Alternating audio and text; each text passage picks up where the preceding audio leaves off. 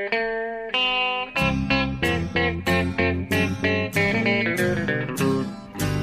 out there, we're on the air. It's hockey night tonight. Tension grows, the whistle blows, and the puck goes down the ice. The goalie jumps and the players bump, and the fans all go insane. Someone roars, Bobby scores at the good old hockey game. Oh, the good old hockey game is the best game you can name. And the best game you can name is the good old hockey game. Hallå, hallå, hallå, hallå, hallå, hallå, hallå, hallå. Hallå, hallå!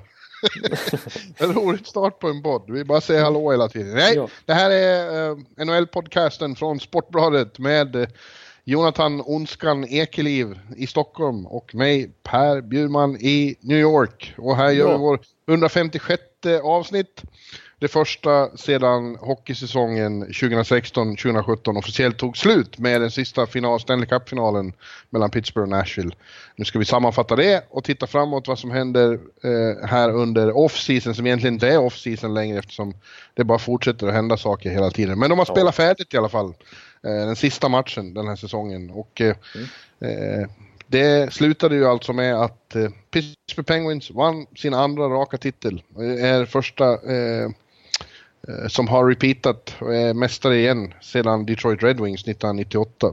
Så det var ju en prestation, Ekeliv. Ja, ja det var det. Det, var det. det. Det har gått några dagar sedan dess nu så man har hunnit smälta lite grann här och eh, återfunnit eh, lite dy dygnsrytm här i, igen. Efter att ha varit eh, uppe långt in på nätterna här. Eh, det har man ju varit hela säsongen egentligen men det blir lite extra intensa måste jag säga. Senaste tiden. Men under hela, slutspelet. Nej men det, och det är första gången under lönetagseran vi ser ett lag försvara sin titel också. Det är klart det är lite anmärkningsvärt. Eh, denna Ja. triumf. Och senast vi spelade in då stod det 2-2 i matcher. Mm. Eh, och vi sa att det här kan gå precis hur som helst. Vi hade ingen riktig magkänsla någon av oss tror jag. Nej, och inte kände vi på oss att eh, Pittsburgh skulle eh, ställa till med en blowout i Game 5, men så Nej. blev det. De vann med 6-0 i den matchen och var helt överlägsna och Nashville inte alls var bra. Nej. Och så slutade då i Game 6 med en eh, 2-0-seger där Patrik Hörnqvist gjorde avgörande målet med en och en halv minut kvar och så satte Karl Hagelin 2-0 i tom kasse. För, för oss svenskar så var det ju bara den perfekta slutpunkten på ett slutspel som, som har rymt så enormt mycket svenska triumfer så man tappar ju hakan. Hakorna. Ja, ja verkligen. Alltså, det har varit, eh, det har ju, eh, vi definierat det som eh, under en lång tid känns det som. Alltså, den här, alltså hur, vilket svensk slutspel har varit i alla rundor. Ja. Det, var, det här var liksom Erik Karlssons slutspel ett tag och sen har det varit Filip Forsberg som var grym i semifinalen mot, mot Anaheim. Och sen så i första rundan hade vi succé lite här och där. Och i finalen så är det alltså två svenskar som gör båda målen, de enda målen, i den direkt Ja. avgörande matchen. Liksom. Ja, det är fantastiskt. Det har ju inte hänt så särskilt ofta. De enda gånger som svenskar har avgjort en Stanley Cup-final var Ulf Samuelsson 91 tror jag och eh, Zetterberg 2008. Precis, så, Som gjorde det avgörande målet. Men det här var ju dessutom så mycket mer dramatiskt eftersom det var bara en och en halv minut kvar. Exakt, det var ju tokavgörande liksom. I en Game 6 på bortaplan 0-0. Och så kommer Ja. det till slut det förlösande första målet som direkt avgör hela matchen. Final. Pojkdröm. Det är den typen av mål man, ja kanske inte själva utförandet men, men eh, själva grejen med att göra ett sånt mål är ju vad man, vad de här killarna har legat och drömt om när de var små knattar hemma i sina pojkrum. Ja. Och så är det precis vad Bengan får vara med om. Man kan ju om man vill säga att han avgjort två Stanley Cup-finaler i rad för det var han som satte den i tom kasse i San Jose förra året också. Precis, han, han har på, på sätt och vis liksom lite grann satt punkt för två finaler i alla fall. Ja, ja det har han. Eh, Ja, vackert. Det var, det var ju eh, svårt för honom att hålla känslorna tillbaka för stund, För det var, han, det var, alltså det var ju eh, kakafoni, det var eufori överhuvudtaget där på, i, i båset när Hagelin Ja, satte ja, sista. Ja, scenerna från det här båset tycker jag var helt fantastiska. Det ser ut som en sån här morspit på en eh, Metallica-konsert. Ja. Jävlar, de hoppade omkring och bara slog på varandra. Precis, de, de tappar all form av verklighetsuppfattning och så här, att, att de, de borde sköta sig på något vis. Utan det är bara total eufori liksom. Och, Ja. och Hörnqvist i sin tur, han stod ju lite för sig själv och grät där. Ja, först stod han uppe på bänken och liksom kastade sig över kompisen. Ja, och sen bara han gråta. Jo, men han sa det efteråt. Vi, vi fick ju komma ut på isen i vanlig ordning, vilket alltid är en jävla speciell upplevelse. Ja, det där är, är man lite avundsjuk på. Att, att du är alltid på plats i alla Stanley Cup-finaler och då får möjligheten att eh, liksom direkt eh, möta dem på isen liksom. När de är i sin, när det, den här absoluta känslan, när de inte hunnit sjunka in riktigt än utan det är, de fortfarande är i det här galna ruset liksom. Ja, exakt så är det.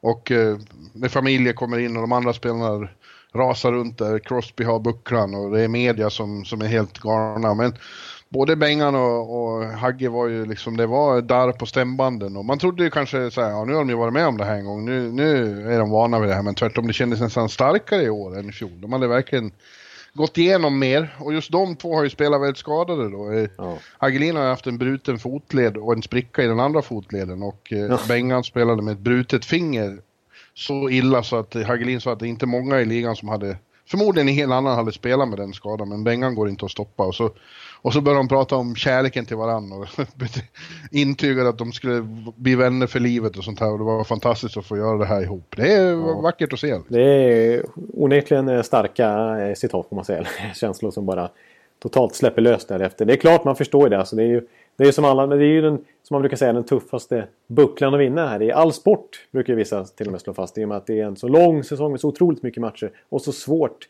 att vinna fyra, eh, liksom fyra gånger fyra då, i, i ja. slutspelet. Och sen är det bara ja, ett lag som... av 30 som till slut får lyfta bucklan. Och så två år i rad dessutom. Ja. Av lagsporterna här borta så är det slutspel som är klart tuffast. Så är det bara. Ja. Det är längst. Ja, basketen är också lång, men det är inte alls lika krävande det, eh, rent fysiskt som det är för de här. Nej, exakt. Eh, eh, och eh, ja, det är bara att lyfta på den imaginära hatten för Pittsburgh. Eh, det vart ju efter, som sagt, efter de två, fyra första matcherna så kändes det väldigt osäkert. Men när man ser tillbaka på det så hände en sak i Game 4. Visserligen fick Pittsburgh stryk då, men det var som att eh, Sidney Crosby eh, bara bestämde sig plötsligt för att nu jävlar ska vi spela hockey här. Uh, och det är många som har bilden att Subban som pokade björnen för många gånger så att han till slut vart förbannad. Ja, han blev ju förbannad där. I Game 5 såg vi hur han tryckte ju ner just uh, ja. Subban hur länge som helst. Där, ja, men från och med då och, och framförallt i Game 5 då så var ju Pittsburgh, Pittsburgh anno 19, eller 2016 igen. De spelade ju samma slags hockey som i fjol och eh, lika snabbt och aggressivt och eh, gav inte Nashville någon tid alls i, i, i den egna zonen och så. Eh, så det hände ju något där och eh, eh Nashville svarade bra i, i Game 6 eh, men fortfarande var, det kändes hela tiden som att eh, Pittsburgh från och med Game 5 var numret större. Ja, det kan jag på ett sätt vis hålla med om. Alltså att, att de alltså på något sätt växlar upp. Och som du säger redan i Game 4 där. För trots att de, inte, de torskade den matchen tydligt. 4-1 blev det väl. Eh, mm. Så som du sa där också förra, i förra podden. Eh, då var du lite orolig. Liksom, ska, hur ska det här fortsätta när de trots allt spelar bra men ändå förlorar? Men tvärtom ja, så, så, så liksom visade det bara vara början på någonting. För då, börjar de faktiskt hitta spelet igen. Och jag menar, tendensen för Pittsburgh i hela slutspelet har ju varit på att de har vunnit på ett helt annat sätt. Ja. Än i fjol. Alltså, de har backat hem, de har blivit ett kontringslag och de har varit starka i PP. Liksom. Eh, ja, ja Kurt Sullivan har ju liksom fått ändra spelet i synnerhet eh, efter Letangs skada då. Ja. Uh, och jag, jag, har inte ord för, tillräckligt för att hylla Sullivan, vilken coach. Det är, det är löjeväckande att han inte får, är, är nominerad till Jack Adams. Nej. Ja, han är ju bästa coachen i ligan nu. Jag hävdar det. Ja. Och de kniper en uh, andra plats i, i hela grundserien också väl? Så ja, om man bara baserar på grundserien så är han ju där uppe också. Liksom. Ja. Ja, ja, han är bästa coachen, tycker jag. Mm. Eh, och i de här två sista matcherna, det var ju också remarkabelt att eh, det här, de här backarna som vi har rynkat på näsan lite åt, de spelar som backarna spelade i fjol. Alltså det var fort ut med pucken och de täppte till snabbt och de följde med upp i anfallen. Liksom. Ja. Det var ja. inget avstånd mellan lagdelarna som det har varit tidvis under, under slutspelet. Nej, det, det har du helt rätt i. Det är bara att kolla. Ja, men, eh, som jag skulle säga tidigare med tendensen att de har liksom backat hem och sig tidigare. Just i de här två sista matcherna så, så såg man lite skillnad i possession-siffror och så vidare också. De vann, ju till, de vann ju skotten i sista matchen och de hade var lika i skotten i Game 6 till exempel. De hade rätt mycket skott på målen i Game 4 också. Dessförinnan har de haft pyttelite skott. Alltså det har varit jättetydlig skillnad. Totalt sett om man slår ut över hela slutspelet så hade, snittar de bara 24 skott på mål per match. Vilket ju är väldigt lite för en Stanley Cup-vinnare. Jag tror det är bara ja. Carolina Hurricanes 2006 som är i närheten av så lite skott. Eh, medan förra året när de vann, de hade den där offensiva sprudlande, vad vi kallade för moderna hockeyn. Eh, så var, hade de ju 34 skott, det vill säga 10 skott fler per match. Ja. Så det är ju väldigt stor skillnad. Men man såg ju i de här två sista matcherna när de växlade upp att det blev lite grann det här gamla Pittsburgh som vi såg förra året. Och då var de plötsligt numret större. Ja. Att, eh, ja. ja. Det är mycket som är imponerande och man eh, får ju också lov att och svimma lite över Matt Murray. Liksom. Ja. Wow. Rookien som, ja. har två, rookien som har två Stanley Cup-titlar, det är inte dåligt. Ja, det är helt obegripligt egentligen, men det är på många sätt. Det är obegripligt att han kan definieras som rookie. Det är obegripligt att han sina två första säsonger i NHL helt enkelt går och, och leder sitt lag till Stanley Cup lite grann. Det är klart man, att han inte är en Conn Smythe-vinnare här, men han gör det otroligt bra. Håller nollan i de här två sista matcherna. Han hade ju definitivt varit Conn Smythe-kandidat om han hade spelat likadant hela slutspelet, men han var ju skadad och kom bara upp i, vad det var, sju segrar eller vad det var. Då, det, går, det räcker inte riktigt till Conn Smythe. Nej, precis. Det var ju trots allt Flurry som till exempel eh, som stod i början av slutspelet och stängde igen butiken ordentligt i Game 7 mot Washington. Så han ska ja. ju inte förringas heller så att säga. Och igen, vi kommer tillbaka till Crosby. Han var ju helt magisk som vann sin andra raka Conn Smythe. Han har haft en hygg ett hyggligt år nu. Två Stanley Cup-titlar, två Conn Smythe, en World Cup och eh, han får säkerligen eh, snart sin andra raka Hart Trophy också. Ja, möjligen. Eh, Eller vann vann han i fjol? Ja, jag är inte säker på att han vann Hart Trophy i fjol. Var det Nej. Kane som vann då tror jag? Vad sa du? Jag tror det var Kane som vann Hart Trophy i fjol. Ja, det kanske det var ja. Mm. Och i år, ja, vi får se. Det kan vara McDavid i år också, bara på grundserien då. Men vi får se. Men han vill... Nej. Nej, det, han, det tror jag inte. Han vinner åtminstone... Han ju, kan ju skatta sig lycklig åt att ha vunnit Morris Richard Trophy också i grundserien. Han gjorde ju mest mål. Ja. Alltså han har ju så mycket... Hans eh, meritlista är ju så lång så den räcker inte till på man får ju scrolla hur länge som helst för att... Nej, men han bar ju laget på sina axlar. Samtidigt var ju Malkin också väldigt bra under stora delar av det här slutspelet. Vinner poängligan. Ja. Eh, och var också riktigt bra i de här sista matcherna. Ja. Så det är ju det också. De har ju de bästa spelarna och eh, när de, när de är, är på ja. då är det fan så svårt att stoppa dem. Exakt. Och vi säger det här, det är imponerande att ta två raka under löntagsserien, det måste man säga. Men det är inget annat lag som har den lyxen att de kan ha kanske två av världens bästa spelare. Alltså Malkin är ju definitivt topp 5 också. Och Crosby är väl nummer ett. Och Malkin kanske är trea, fyra, jag vet inte. Eh, det, det, det, alltså just under löntagsserien så är det så svårt att matcha det. Så att ha sån otrolig one-two punch för att använda ett ja. podduttryck. Eh, det är ju verkligen the two-headed monster liksom. Ja, det är det. Och sen så en coach Sullivan som har visat sig vara perfekt för det här lagbygget. Vi har ju så många gånger poängterat att han var liksom markören för så mycket som började röra på sig i det här Pittsburgh-laget igen som var ganska slätstruket mot förväntningarna i många år dessförinnan. Ja, det var ju, man trodde när de hade vunnit 2009 att eh, det här kommer ju att hända åtskilliga gånger, men det hände inte förrän 2016. De kom inte ens tillbaka till finalen förrän dess, eh, vilket ju var ett, ett litet trauma i Pittsburgh. Att det kändes som att en titel skulle vara lite att slarva bort det här fantastiska läget med den här fantastiska generationen. Ja. Men nu har den generationen tre titlar och eh, ja. bättre blir det knappt. Nej, precis. Nej. Men, Men vad ska vi säga, vi måste säga något om Nashville. Först vill jag säga att jag fick ju lite panik här. Visst har du inspelningsknappen intryck? Ja, det är ju bra att du frågar det, men det har jag. Jag har lärt mig nu. Jag vet vad som kan... Alltså det är ingen skön känsla för mig heller så att säga om den inte är på. När vi har suttit och snackat i 13-14 minuter. Det är, det är tungt. Ja, men nu är den på. Ja. Och Nashville, vad ska vi säga? Alltså, eh, jag är hemma nu igen. Jag har varit kvar en extra natt i Nashville för det gick inte att komma hem för det var så mycket folk där som skulle flyga hem på måndag. Ja, just. Eh, det, hade ju, det var ju under helgen också eh, CMA Fest, vilket är största countryfestivalen. Så det var just det. 70, 70 80 000 extra där och blandades Oj. i festen. Eh, så jag kom hem först tis, sent tisdag kväll för det var förseningar med plan och så också. Eh, så nu försöker jag komma tillbaka till verkligheten och vardagen i, i New York och det är inte så lätt efter att ha upplevt de här dagarna i Nashville. För att, Ja, det, den här sagan tog slut i förtid, men herregud vad vi aldrig kommer att glömma det vi var med om i Nashville. Vilka, vilka fullständigt magiska kvällar ja. de eh, upp där, det här hockeylaget. Jag har aldrig varit, det har aldrig varit med om något liknande och det känns väldigt osäkert om vi någonsin kommer att få se något sånt igen. Nej, nej jag, håller, jag håller helt med det. För att när man blickar tillbaka det här slutspelet om några år, nu får vi se, Nashville kanske har en storhetstid framför sig i alla fall. Kommer, det känns som att den här kåren har potential att gå långt igen. Men på något sätt känns det ändå som att Även om det naturligtvis är storhet till Pittsburgh att de har två raka Stanley Cup och vi kommer komma ihåg det för det. Så känns det här som att det, här, det som definierar det här slutspelet är ändå gula Nashville liksom. Alltså Ja. hela, hela grejen kring dem, hur det, hela stan slöt upp. Ja. Eh, alltså revolutionerade nästan. eh, Det var en uppfriskande för hela NHL. Ja, det var det verkligen. Det var ju faktiskt eh, helt förbluffande scener utanför matchdagarna. Liksom med det här havet av människor. Eh, som, som kloggade igen hela centrum. Ja, precis. I en, en stad som är så mycket annat. Alltså det, är ju liksom, det har ju inte så mycket med hockey att göra den staden. Alltså, som, som helt plötsligt bara förvandlas till Predators Town. Liksom. Ja. Så, Ja.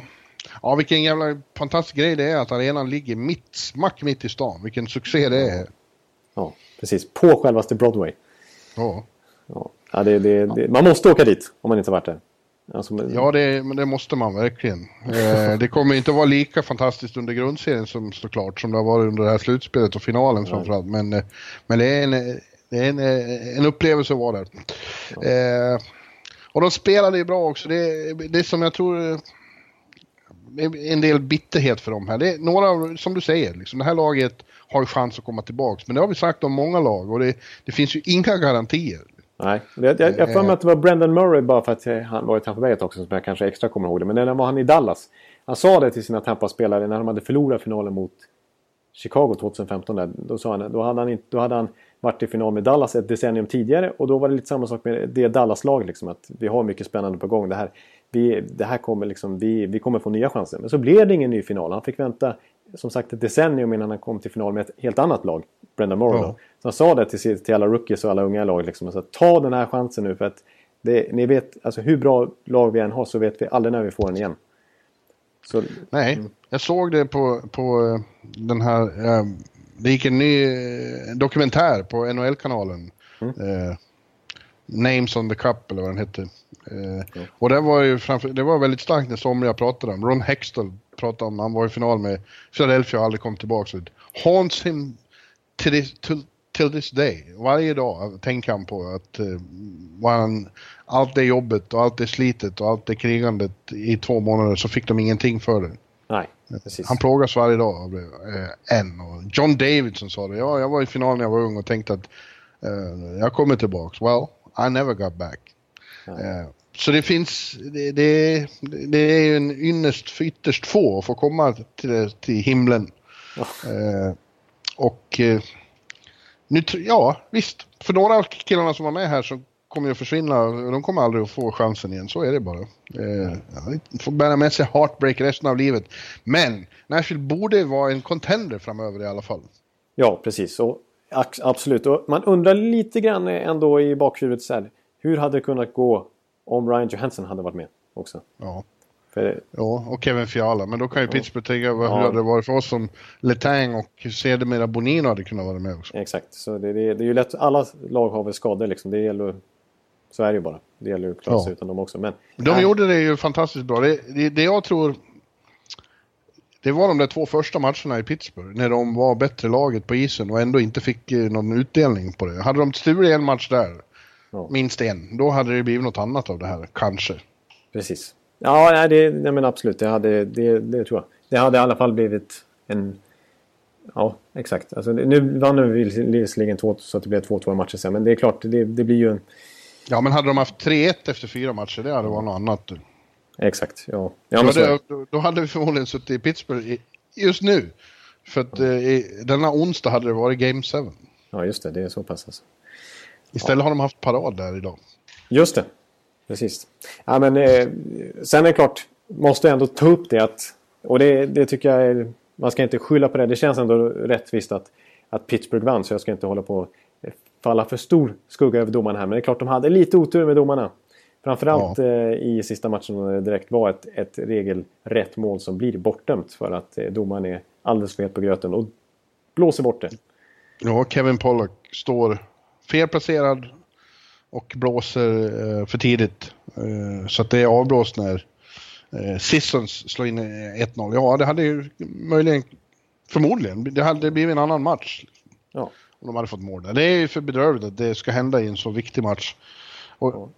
Grejen är det här, jag fattar inte riktigt. Alltså, eh, ena dagen då är det millimeter noga med en med en med offside liksom. Man kollar så, ja det handlar om millimeter. Exakt. Det ska vara riktigt och rätt. Men sen en sån här sak händer, alltså de gör ju fel, de är människor och de hamnar fel. Men hela världen ser att det är ett sånt flagrant fel, att det, att det inte finns någon eh, eh, funktion då som gör vi ändrar på det. Antingen det eller så får de ta bort de här mätningarna av offsiden också för det blir sån diskrepans mellan vad som är viktigt och inte viktigt så det blir helt löjeväckande. Exakt, det går liksom inte. Och jag, jag kan garantera att till och med Pittsburgh hade accepterat om det här hade dömts mål till slut ändå. Alltså just ja. för de förstår liksom själva liksom just den diskrepansen du pratar om. Eh, och Ja, och det blir liksom lite löjeväckande också som vi pratade om förra veckan när, när Gary Bettman kommer ut och säger ja, vi är så nöjda med allting. Vi, men vi har två ändringar, två ändringar måste vi fixa. Och det är just det här med att det ska inte få något timeout vid, vid icing. Det, det, är viktigare än att, eh, men att inte kunna fixa sån här situation i en Stanley Cup-final, det, det, får, det får vara. Det, det, liksom. ja, det, blir, ja. det blir väldigt konstig sportslig rättvisa i det. Eh, ja, sen, det blir det. Sen vill jag lägga till också att det är klart, apropå utgången av matcherna, så är det klart att det är, det är ändå tufft mentalt för Nashville att just det där Forsberg-målet som visserligen var korrekt, det var offside. Men man kan ju ifrågasätta om, om det, man ska kunna gå bak och, och eh, liksom granska en sån grej då. Eh, men det var också 1-0 målet och i den här matchen i Game 6 var det också 1-0 målet. Och vi vet ju liksom att det är typ 65-35 det som lag som gör första målet som ofta vinner. Det är ju kanske det viktigaste mm. målet för utgången av en match. Statistiskt ja. sett. Så det är klart att det var väldigt negativt för Nashville. Det var lite röta med det Pittsburgh. Det var ju lika i fjol i Game 7 mot Tampa i konferensfinalen. Ja, i Game 6 på hemmaplan. När, när, Game 6. Tampa kunde avgöra hemma och hela arenan exploderar i glädje när de gör 1-0. Varpå det blir ett fullständigt antiklimax när det challengea som offside. Och så är det en liten, liten offside. Drouin. Drouin är uppe med skridskon och sen så gör Pittsburgh passa på i tystnaden att göra 1-0 istället. Ja. ja, men de har ju, ja, de har lite flyt men jag hävdar ju alltid att man, att man, you make your own luck in life. Ja. Mm. Och så hävdar jag också, brukar jag alltid säga, att det lag som först börjar klaga på domaren är körda. Som... Ja, verkligen. Så, men det, var, det kan man väl inte påstå att... Nej. Nashville kom av sig lite här men de försökte ju glömma bort det där och sen var det såklart bittert efteråt. Eh, de tyckte att det är förjävligt att något sånt ska hända i en så stor match och ja, det är det ju. Men samtidigt var de lite classy, liksom Pekarinne som sa att han har gjort massa misstag i den här finalserien. Han har förståelse för att även domarna kan göra det. Liksom. Ja. Så att, eh, jag tyckte ändå de, de tog det snyggt. Det hade varit en sån där grej som vissa personligheter kanske hade reagerat enormt starkt på. Och skyllt hela, hela finalen på. Ja, ja, så var det ju. Det kan man ju inte göra. Det är bara olyckligt att det ska hända och att det blir sån, eh, får sånt fokus på det. Liksom. Ja. När det har varit så mycket bra annars. Exakt. Ja, men som helhet får man väl säga att det var ett helt okej slutspel va? Inte, det är inte den mest eh, briljanta hockeyn som har spelats. Det har varit mer krig och kamp än fantastisk eh, tekniskt driven possession hockey. Men, men drama och spännande får man ju säga att det har varit. Precis, det var väldigt mycket dramatiskt. Det var väl till och med rekord i antal OTs i första rundan var det väl? Om jag inte ja. minns fel. Och, och eh, eh, det har varit just tack, mycket tack vare Nashville tycker jag att det varit ett väldigt drag kring hela slutspelet överhuvudtaget. Även i Nordamerika var det fina tv-siffror till exempel för den här finalserien. Eh, och sen, men som du säger, även, även lite oväntat så var det någon slags reaktion på den här possession-hockeyn. Så var det plötsligt lag som Ottawa som gick långt. Eh, Pittsburgh på ett helt annat sätt som går långt. Och, ja. Eh, ja, så att... Eh, svårt att Ja, veta. i någon mån Nashville också. Ja, faktiskt det... Nashville. Alltså, och jag, mm. jag, tycker även Anaheim lite grann. Eh, till exempel första serien mot, eh, mot Calgary så var det ju Calgary som drev de matcherna, vill jag påstå i alla fall. Men Anaheim ja, som var mycket smartare och liksom... Ja, och Nashville mot Chicago, de stängde ju ner matcherna. Exakt. Kane var helt fullständigt uttråkad. Ja, ja just det. Av, just det. Så att... Eh, ja, vi, vi ska inte slå fast att det här är den nya moderna hockeyn direkt, men... Eh, eh Nej, men det, det, som händer i finalen eller i slutspelet sätter ju ofta tonen för året därpå. Så vi får se.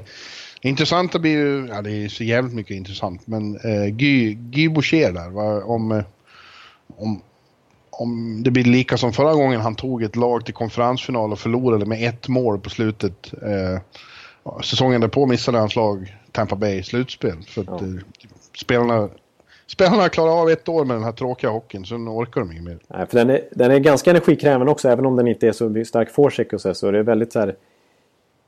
Den kräver enorm disciplin och liksom förtroende till den spelstilen och att man måste jobba stenhårt och täcka skott som galningar och sådär. Så nej, det, blir, det är inte helt säkert. Det kan bli en, re, en reaktion igen.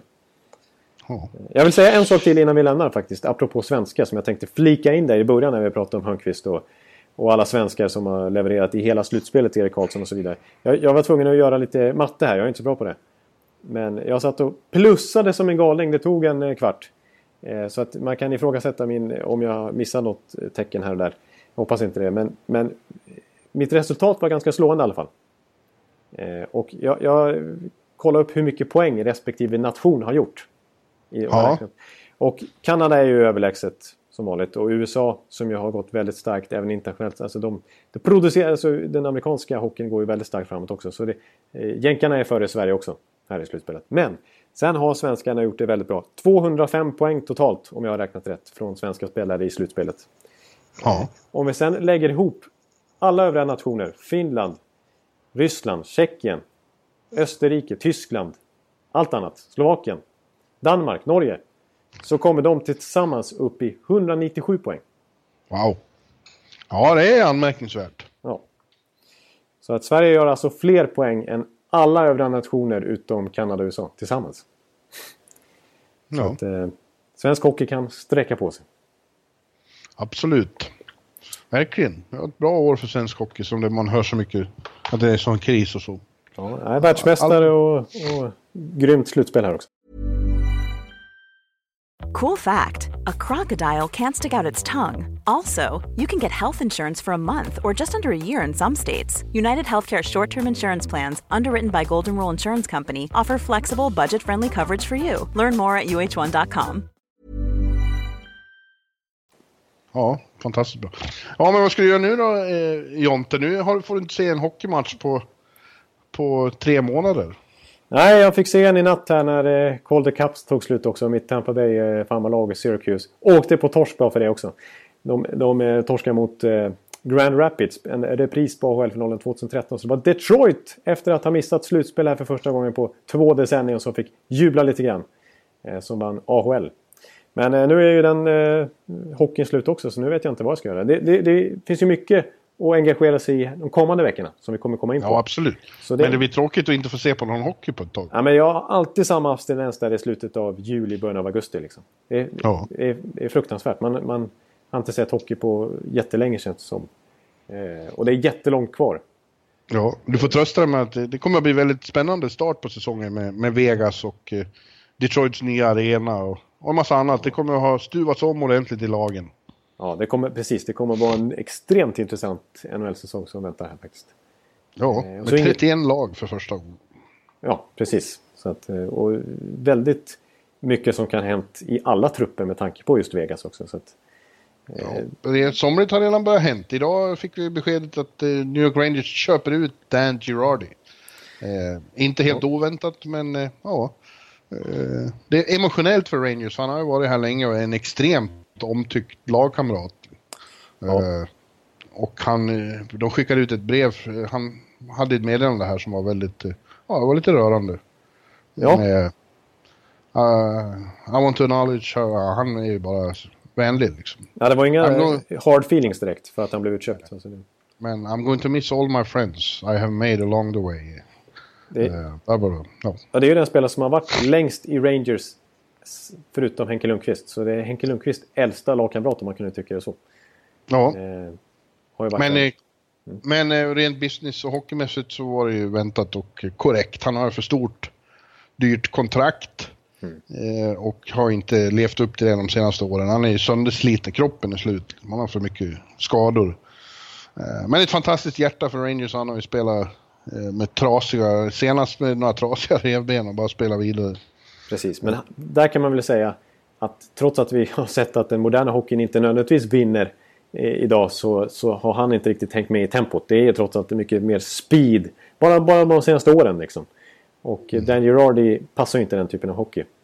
Nej. Nej, men det verkar som det blir väldigt mycket nyheter i Rangers för Kevin Klein har ju samtidigt meddelat att han överväger att gå i pension och flytta till Europa och spela där istället. Och eh, då, då får ju plötsligt Rangers en massa eh, cap-utrymme här som de inte har haft. Och eh, ja, ja. Det, det, får vi se vad som händer med Stahl också. Honom försöker de ju också förmodligen trada då på något vis. Om det är möjligt ja. Ja. ja. Men eh, det, öppna, man har, det har varit mycket rykten om att framförallt Kevin Shattenkirk vill till Rangers. Eh, och att Rangers naturligtvis ja. inte ser det, men de har ju inte löneutrymme, har de inte haft i alla fall. Men nu är det plötsligt ingen Klein, ingen Girardi, det finns både löneutrymme och i allra högsta grad, de måste fylla på med backar då. Då är, ja. då, då är helt plötsligt ser man den här övningen som ganska logisk. Det blir, det blir förmodligen då kanske Shattenkirk i Rangers. Och Brennan Smith som de kan ja, resigna. Det så då, det är väl rätt bra får man ja. konstatera för Rangers. pratas också intensivt idag eftersom Bob McKenzie skrev det att de eh, kanske tradar Derek Stepan också eh, på något vis. Jag har sett att det har varit eh, att till och med rykten om att det, så blev det inte men att de skulle inte, eh, inte skydda honom i expansionen. Eh, för att just på grund av hans höga cap, han tjänar ju 6 miljoner dollar per säsong. Och riktigt den lönen han kanske inte gjort själv för senaste åren.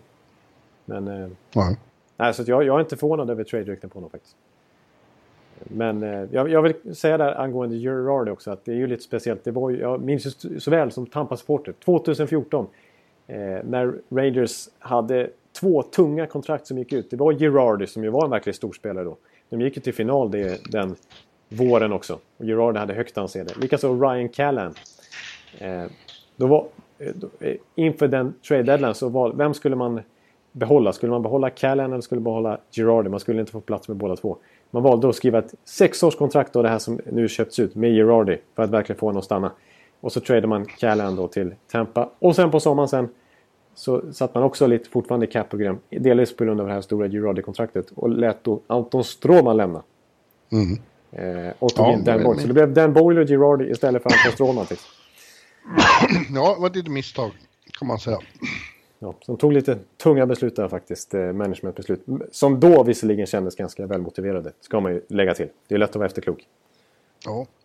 Men det här har ju nu också att göra då med expansion draften som kommer. Och den har du grottat ner i ordentligt de senaste veckorna. Eh, ja. Jag har inte riktigt haft tiden eftersom jag var ute på Honky Tonk. Ja, du har inte ens varit hemma i korrsoffan på hur länge som helst alltså. Nej, det var ett tag sedan. ja, du har haft, ja verkligen.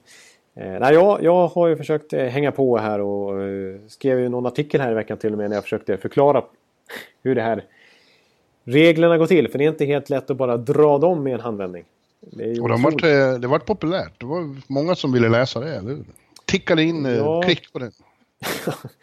ja, men eh, det, är, det är ju speciella regler. Jag, ni som lyssnar på NHL-podden tror jag ändå har hyfsat koll på grunden här. det är ju alltså man får, varje klubb får ju skyddat. Vegas ska välja en från varje klubb. Eh, måste ta just en från varje klubb. Och eh, respektive klubb i sin tur får skydda då ett visst antal spelare. Antingen sju forwards, tre backar och en målvakt. Eller en målvakt som alltid måste skyddas. Och åtta utespelare. Och då, det, alltså antingen då fyra backar, fyra forwards eller fem backar, tre forwards och så vidare.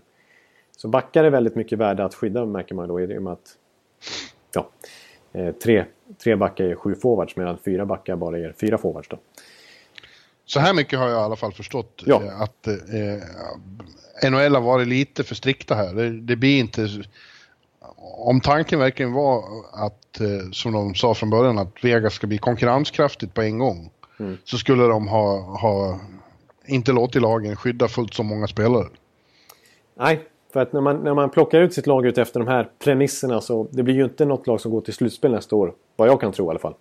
Nej, det blir det inte. Bredden blir ju bra. Alltså, det blir ju ett, en fjärde kedja som förmodligen blir bättre än nästan alla NHL-lags. Men toppkedjan, nu får vi se vad Chipachov om de signar någon free agent kan bidra med. Men bara utifrån draftens skull så får de ju inga first-liners. Nej. Eh. Och dessutom verkar det ju vara så här att många eh, många har dealat och wheelat med McPhee i, i Vegas nu och, och gjort dealer om att han istället får eh, draftval och sånt istället för spelare som de inte vill bli av med. Nej, precis. Så det, det, kommer inte bli riktigt så spännande som, som vi hade trott kanske. Nej, precis. För det är det som gör det så svårt att spekulera i hur laget kommer se ut. För att Bara för någon vecka sedan så ryktades det om att, att eh, McPhee hade 50 bud på bordet att ta ställning till. Och att Ja. många överenskommelser redan var gjorda. Men att de väntar med att gå ut med dem, med dem tills det är dags för draften. Liksom. Eh, Så förmodligen kanske det kanske läcker ut lite här i veckan fram till dess. Det är ju onsdag. Eh, Om en vecka, exakt en vecka från att vi spelar in det här som det är dags. Eh, Men, eh, ja, men att mycket redan är klart. Och som du säger, det kanske inte blir så. Det kanske inte blir så att de tar de bästa spelarna som är tillgängliga för respektive klubb. På grund av att de klubbarna i sin tur har gjort avtal med Vegas att välja si och så. Och sin, mot eh, draftval, utbyte eller något prospect. Ja. Och det kan man inte, det är ju väldigt svårt för oss att spekulera i. vad det blir. Det borde, det borde kanske också ha reglerats på något vis eh, på förhand. Hur mycket, hur mycket sånt som skulle få göras. Precis. Eh, men du som har tittat på det här, nämn några spelare som du, från olika lag Ja, som men jag, jag, jag, jag, kan komma att hamna jag, i. jag kan väl fastna för några, för några lag som har speciella situationer i alla fall. Kan vi gå på. Och jag, jag, kör lite i bokstavsordning då, vilka som är intressanta. Anaheim kommer in på direkt. De, Mm. de tillsammans med Minnesota och Islanders skulle jag säga har, sitter i knivigast situation. Om vi börjar med Anaheim så, så har de så pass många bra spelare så de kommer inte kunna skydda allihopa. Eh, och det har jag varit inne på förut just hur de ska göra då. Men det, nu lutar, lutar det mest åt att de kör 7-3-1-modellen då. och Skydda sju forwards för att i sin tur kunna skydda eh, Silverberg. Skulle de bara kunnat fylla, skydda fyra forwards då hade det blivit eh, Kessler, Perry, Getzlaff och Rakell. Och då hade Silverberg varit tillgänglig. Men nu kör man alla forwards och det blir några till. Det blir Cogliano och så vidare. Sen backar då. Så, så är det ju. Eh, så har de ju så många bra backar. Det är Vatanen, det är Lindholm, det är Fowler och det är Manson framförallt. Men så är det problemet då för dem är att Bjäxa har en no movement klausul och det innebär att han måste skyddas. Eh, och när de bara kör den här tre skydda tre backar modellen då blir ju Bjäxa, Lindholm och Fowler kanske. Och Vatanen och Manson hamnar utanför. Eh, vilket ju är otroligt problematiskt för Nu, nu, när, ja, när vi spelar in det här så ryktas det om att, eh, att de ska redan ha en pre-arranged deal med Vegas. På något sätt för att de inte ska ta någon av deras riktiga assets här. Framförallt inte så verkar de hålla Manson högre än Vatanen. Ja, och det ver- verkar ju så när det igår var känt att Bjäxa inte behöver waiva sin, eh, eh, sin no moment. Ja, då är det någonting på gång där. Ja. Sen kan det ju vara så att de, att de kanske köper ut Bjäxa. Så att de blir av med han på det viset. Men, ja. Anaheim sitter i alla fall i en riktigt svår situation. Men det är mycket rykten om Vatanen. Det är Drouin mot Vatanen, det är Ben Reemstike mot Vatanen, det är JT Miller mot Vatanen. Det är många rykten där. ja. Eh, och på ett sätt kan jag tycka att Anaheim har råd med det. För att forwardsidan är väl den som snarare skulle behöva stärkas upp. Eh, medan backsidan har de ju råd att tappa vatten. De har ju en Brandon Montour som är lite liknande spelstil. Offensiv högerfattad back på väg upp som visar sig bra. Hålla för eh, bra, god NHL-nivå i slutspelet här. Och de har Shea Theodore och så vidare. Så att de har råd att tappa vatten och de kanske kan få en riktigt bra forward då. Istället. Så att jag tycker den dealen ser jag som väldigt logisk. Att vi kommer få se en vatten trade. ja. Ja, om jag ska ta något mer. Jag kan... Eh, Låt, låt mig fråga så här. Mm. På söndag kommer ju, får vi se listorna eh, på vilka som- är skyddade och inte skyddade. ja. Tror du att det kommer att få se några överraskningar där? Eh, Eller är det helt givet vilka alla kommer att skydda? Nej, det är inte helt givet. Det är inte helt givet. Eh, vi får ju... Det, alltså, det blir De lite... kanske, de kanske inte tänker, alla generella människor kanske inte tänker som sådana som du. Nej, verkligen inte. Det gör de ju kanske rätt i också. Nej, men ett lag som är lite intressant. Eh, alltså det finns ju några stycken här man ska kunna nämna i det fallet. Alltså, Detroit, vad tror du De- där? Detroit jag tänkte jag till exempel på. Eh, vi pratade ju tidigare i säsongen, jag tror det var i november någon gång, om hur blir det egentligen med svenskarna där. Alltså för både Zetterberg och Kronwall sitter ju inte på någon klausul så de kan ju i praktiken då lämnas oskyddade. Nu gjorde ju Det, Zetter... sa, det, det Zetterberg har visst klausul. Jag frågat honom rakt ut om, eftersom sant? du på, påstod det, så sa han att jo, det jag visst. Jaha. Och enligt, Ja. enligt sådana här CapFriendly och vissa sajter som påstår sig ha full eh, insyn så har han inte det. Ja, han tror det själv i alla Jag tror fall. det själv i alla fall. Det blir en, konf- det blir en konflikt där. Det är det som... Ja. Nej, men nu tror jag att Zetterberg spelar för bra den här säsongen för att lämnas oskyddad oavsett. Faktiskt. Eh, däremot Kronwall kommer ju att lämnas oskyddad till exempel. Eh, Ja. Sen återstår, ju, så, återstår det att se hur de gör med sina målvakter. De har ju Howard som gjorde ganska bra ifrån sig den här säsongen men som har en hög cap hit vilket gör att eh, de ligger ju redan tight mot löntaket så de blir nu gärna av med Howards kontrakt. Mrazek var inte jättebra den här säsongen, har stagnerat utvecklingen, nästan gått bakåt. Medan en sån som Jared Coreau har precis vunnit AHL här och varit fantastisk för Grand Rapids. Så frågan är vem de skyddar av målvakterna där till exempel. De, där känns det som ett lag där många veteraner kommer att eh, lämnas oskyddade. Justin Abdelkader, Darren Helm, Luke Glendenning, eh, Riley Sheehan till exempel. Väldigt mycket etablerade namn känns det som i Detroit. Jonathan då? Eriksson? Han kommer också lämnas oskyddad. Det jag, vet du? Ja, det vet jag. Det vågar jag slå fast. Ja. Eh, men eh, vad ska vi ta med för... Alltså ett annat lag som är lite intressant. Där finns många alternativ. Det är, eh, som jag inte nämnde, jag sa Islanders och Minnesota förutom Anaheim. Men jag vill lägga till Columbus också. Nu ryktas det om att, att Vegas ska ha någon deal med Columbus om att överta David Clarksons kontrakt. Ja, det läste jag något om. Och det vill man ju verkligen. Det får komma upp mot golvet där. Ja, och Columbus vill, har ju har ju inte den bästa ekonomin heller. De, jag vet inte riktigt hur försäkringssystemet ligger till. Han är väl försäkrad på något vis men de, han kostar ju ändå väldigt mycket pengar. Och de vill gärna bli av med honom eftersom att han är ju, kommer förmodligen aldrig spela hockey igen.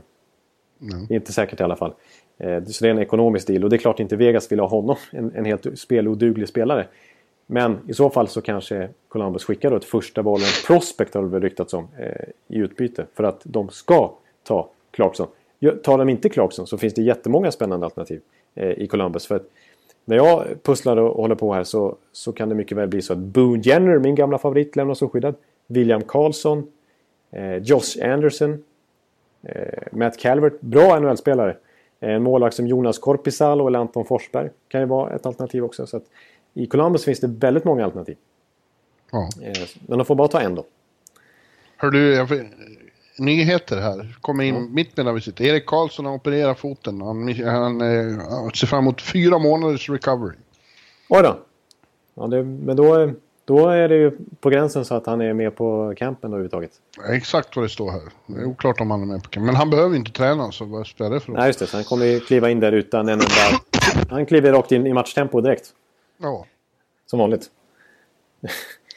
ja men... Eh, men jag kan ta New York-lagen också som jag tycker har lite intressanta, där det finns intressanta namn för Vegas. Om vi börjar med Islanders som jag sa tidigare.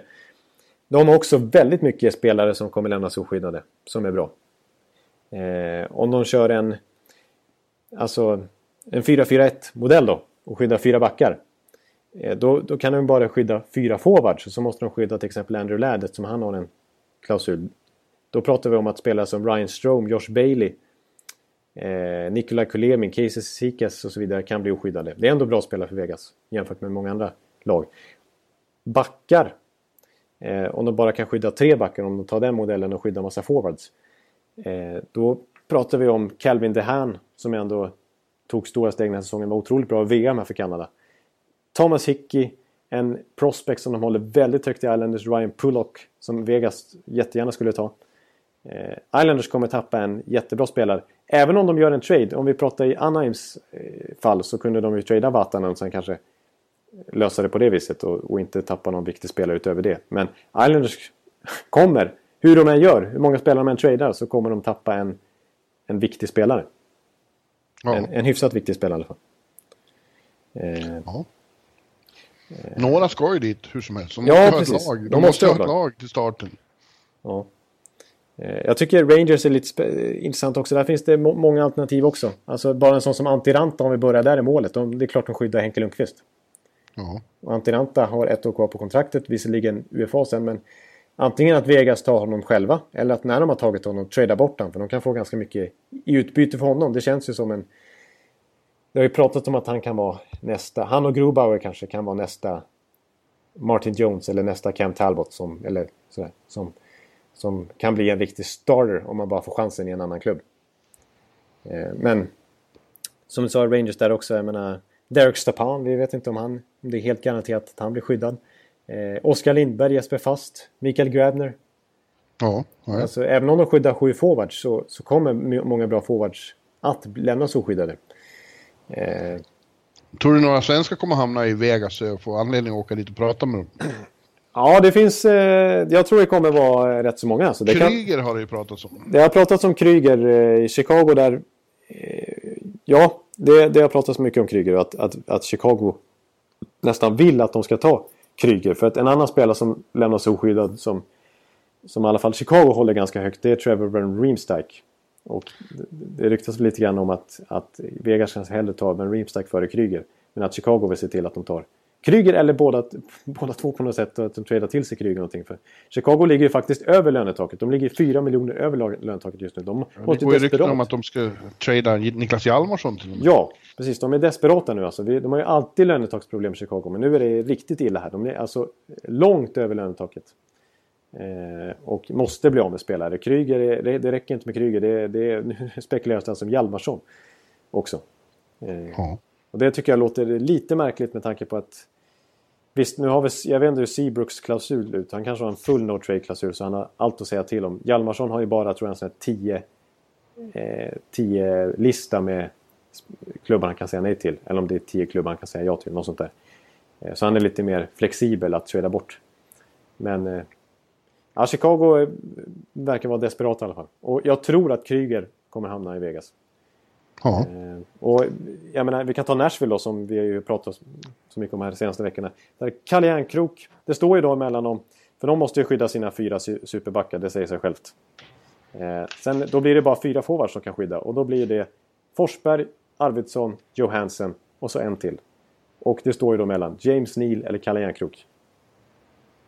Eh, och ja, det blir nog James Neal trots allt.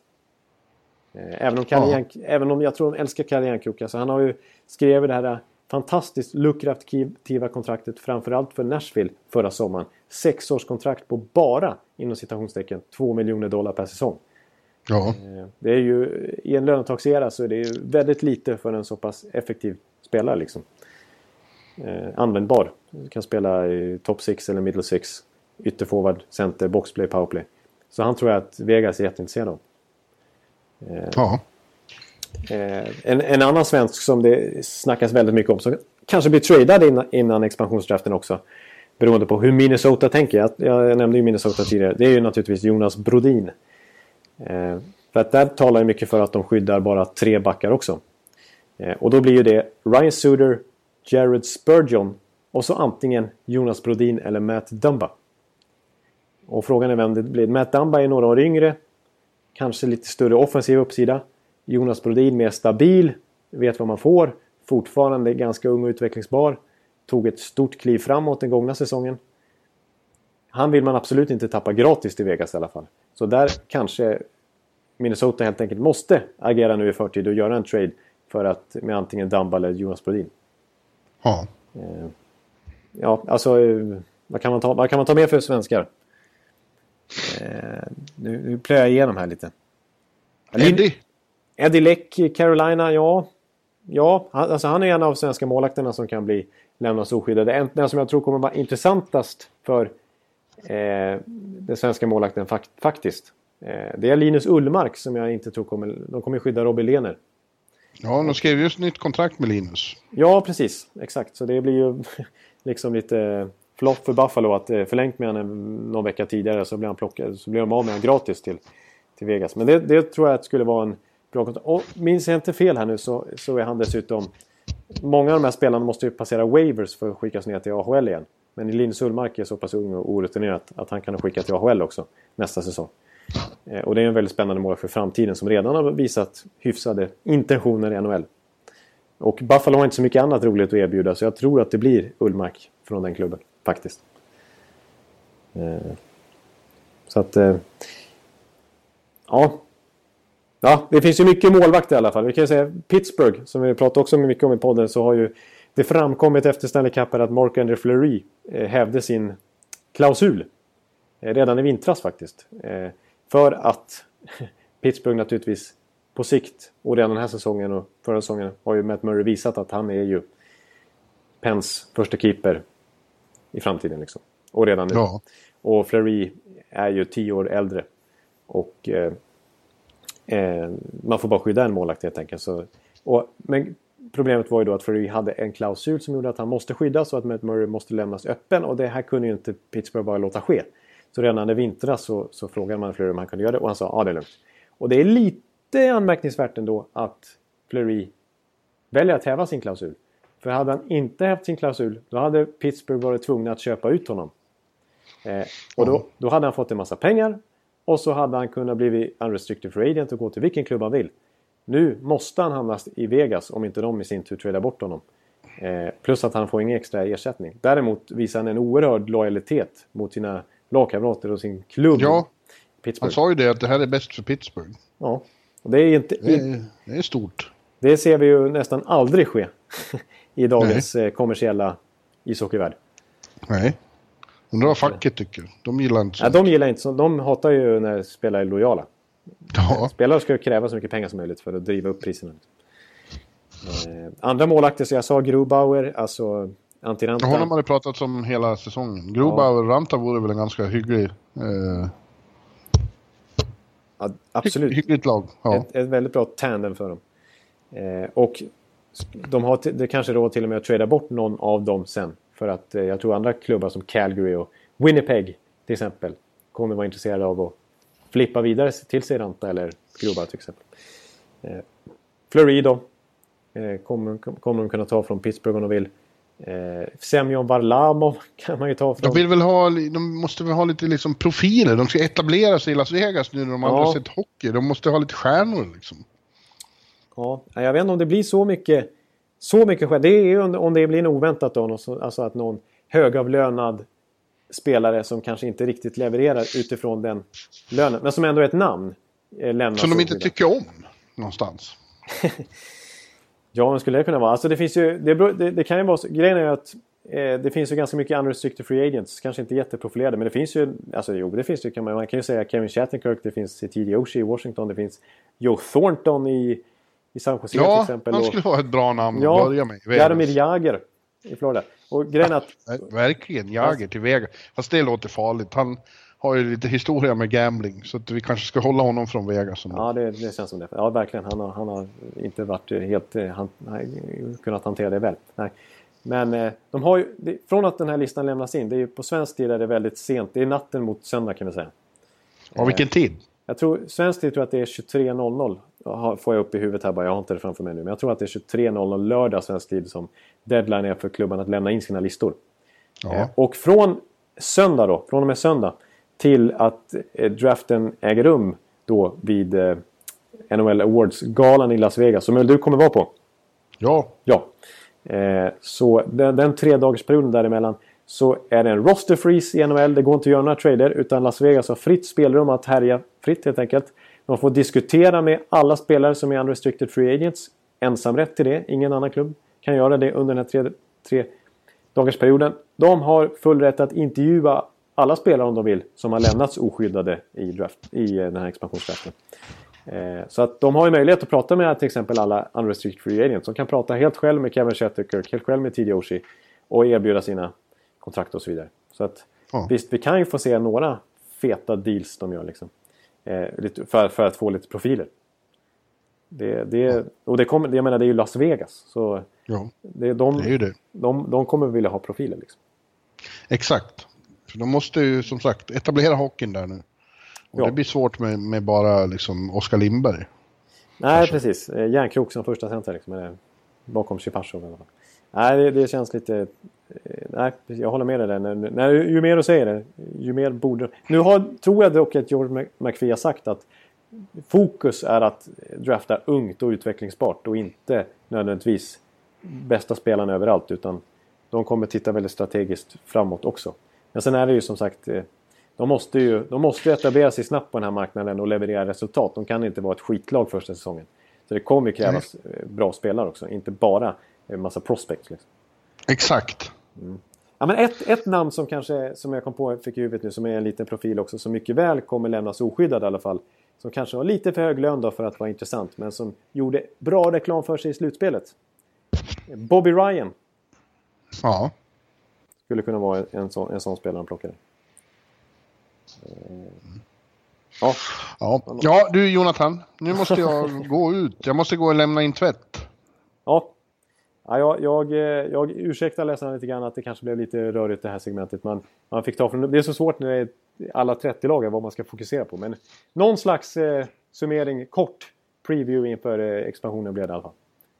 Ja, vi kanske återkommer innan, jag vet inte om vi hinner eh, i början av veckan. Då är jag i Las Vegas, så vi, vi hörs nog därifrån. Ja, precis. Vi antingen kanske blir ett, ett litet avsnitt eh, F. Då vet vi ju hur listorna ser ut och kan diskutera mer mm. kring dem. Eller så, så kanske det blir ett avsnitt, eller så blir både och det ett avsnitt efter expansionen på torsdagen och sånt där. Innan vanliga draften också. Det är mycket som händer nu, varje dag. Och, ja, eh, och eh, mitt i allt ska jag fira 50-årsfest också, så du vet. Ja, just det. Det är ju helt otroligt stort. Alltså. Och då kommer jag inte att sitta och podda. Nej, nej, precis. Exakt, det har jag full förståelse för. Vi har ju haft idéer här om att, eh, att uh, Niklas Holming ska vara med och, och referera festen. Just det. Ja. Det skulle man vilja se. Ja, eh, skulle man... Direktsändning av faktiskt. Skulle man kunna stanna ja. uppe länge för oss. Ja, du ska vara med. Ja, ja, ja, precis. Jag borde vara med på ett hörn. Faktiskt. Så är det. ja. Ja, nej, ja. Vi, vi, vi, vi, vi stannar för där, där för den här veckan. Och så hörs vi i början av veckan. Vi försöker en gång till i början av veckan. Vi vet lite mer och så. Vilka ja, som är skyddade och inte skyddade. Då blir det mer... Eh, finns mer att ta i. Ja, men jag har, en känsla, jag har en känsla av att ni uh, lyssnare som hör det här lite senare än det kom ut till exempel så har det säkert hänt flera trades som man borde diskutera också. så då vi, vi kommer ha mycket mer svar nästa gång vi spelar in. Ja, typ eh, tisdag. Typ tisdag. Men det blir en fantastisk vecka fram till dess i alla fall. Ha det så bra! Jag har det så bra allihopa och eh, tack för oss. Hej! Hej! Hallå, hallå, hallå! Hallå, hallå, hallå! Alex Chiazot, Joe Luis Arena och Esposito. Esposito. Uttalsproblem, men vi tjötar ändå. Och alla kan vara lugna, inspelningsknappen är på. Bjuder Hanna Kohl, han är grym i sin roll. Från kålsoffan har han fullständig kontroll på det som händer och sker. Det blir ju allt fler som rattar in hans blogg. Och lyssna på hans podd. One, two, time, speed, so Hallå, hallå, hallå! One, two, time, speed, so Hallå, hallå, hallå! Ekeliv, som är ung och har driv. Verkar stor och stark och känns allmänt massiv. Han hejar på Tampa och älskar Hedman. Sjunger som Sinatra. Ja, och det ser man. Nu är det dags för refräng. Dags för magi, Victor Norén. Du är ett geni. Så stand up at home and remove your hats. Höj volym, för nu är det plats. One, two, time, speed, so Hallå, hallå, hallå!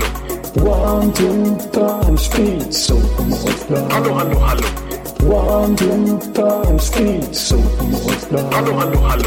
One, two, time, speed, so Hallå, hallå, hallå! Det är otroligt länge sedan båda samtidigt var så här bra. Hallå, hallå, hallå! Det är otroligt länge sedan båda samtidigt var så här bra.